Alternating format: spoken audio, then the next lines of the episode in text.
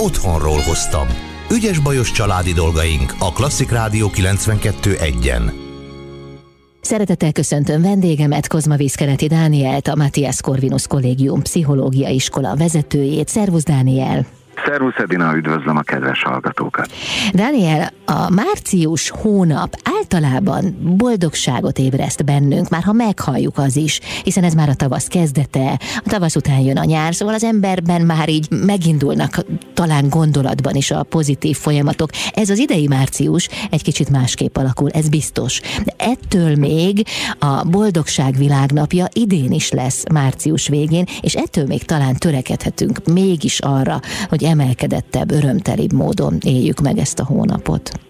Így van, teljesen egyetértek veled. A, elkezdődött a, a meteorológiai tavasz, a csillagászati tavasz is hamarosan kezdődik, szóval, hogy minden ébred, újjáéled, a, a természet is nyílik, és ilyenkor mi belül is valami hasonlót élünk meg, tele vagyunk bizakodással, és a, idén a március az az optimizmus hónapja, és azt hiszem, hogy ez az, ami a pozitív pszichológia hozott el nekünk, és amire most szinte életmentő szükség van, hiszen a hírek, az események, a korlátozások, azok leginkább a szkepszisünket erősítik, leginkább beborítanak bennünket, leginkább akár a kétségbeesésig elbizonytalanítanak, és ilyenkor még inkább szükség van arra, hogy elő tudjuk venni mindazt a megküzdési eszköztárat, amit eddigi életünk során összegyűjtöttünk, fel tudjuk csiholni saját bizakodásunkat, hogy valószínűleg valószínűleg ebben az évben jó dolgok várnak ránk, valószínűleg ebben a hónapban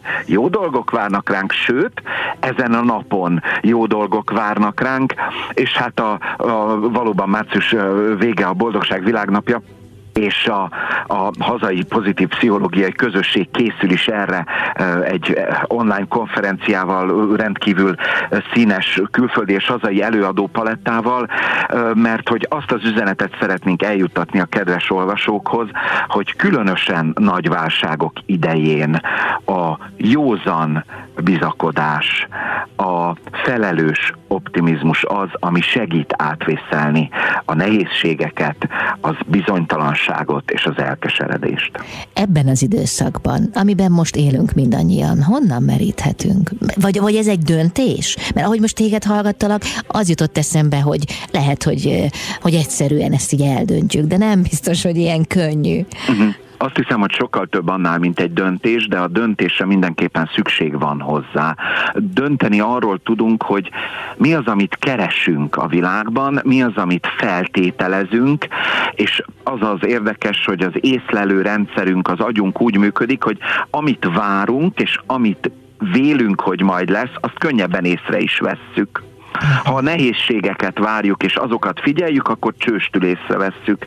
Ha azt keressük, hogy milyen jó dolog vár ma rám, milyen ö, kedves gesztus fogok a barátaimtól vagy a páromtól kapni, milyen szép nyíló rügyet fogok látni a délutáni sétám során, akkor ezeket a dolgokat fogom tudni észrevenni. A mesteremtől Rátai Csabától azt tanultam, hogy Dániel, azt látod meg, amit feltételezel, akkor látod meg más emberben a jót, hogyha feltételezed benne a jóságot.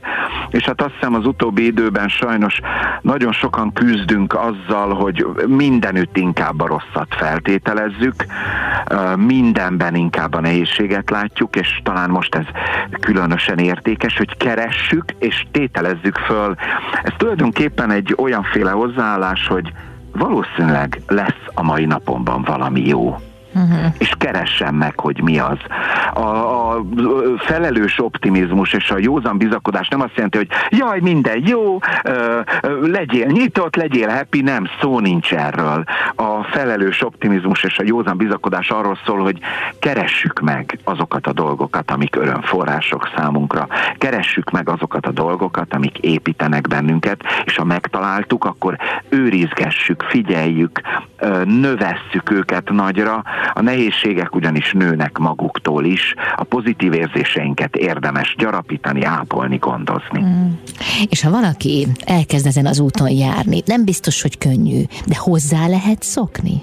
Igen, ez egy önerősítő kör amikor elkezdjük a figyelmünket, a saját belső szemüvegünket a pozitív élményekre, a megerősítő tapasztalatokra hangolni, más emberek pozitív tulajdonságaira, szerethetőségére hangolni, akkor mivel könnyebben észrevesszük ezeket a dolgokat, ezek megerősítik azt, hogy érdemes ezt figyelni, pozitív élményekhez, visszaigazoló társas kapcsolati eseményekhez jutunk, ugyanis a, a társainkból, embertársainkból feltételezzük a jót, és visszajelezzük nekik, hogy jaj, de jót mondtál, jaj, de érdekeset írtál, jaj, annyira köszönöm, hogy ezt mondtad, hogy ezt megtetted nekem, akkor ezzel ezzel a hozzáállással könnyebben juthatunk olyan élményekhez, hogy mi magunkat is jónak élhetjük meg, és akkor tulajdonképpen eljutottunk az egyik legalapvetőbb lélektani szükségletünkhöz.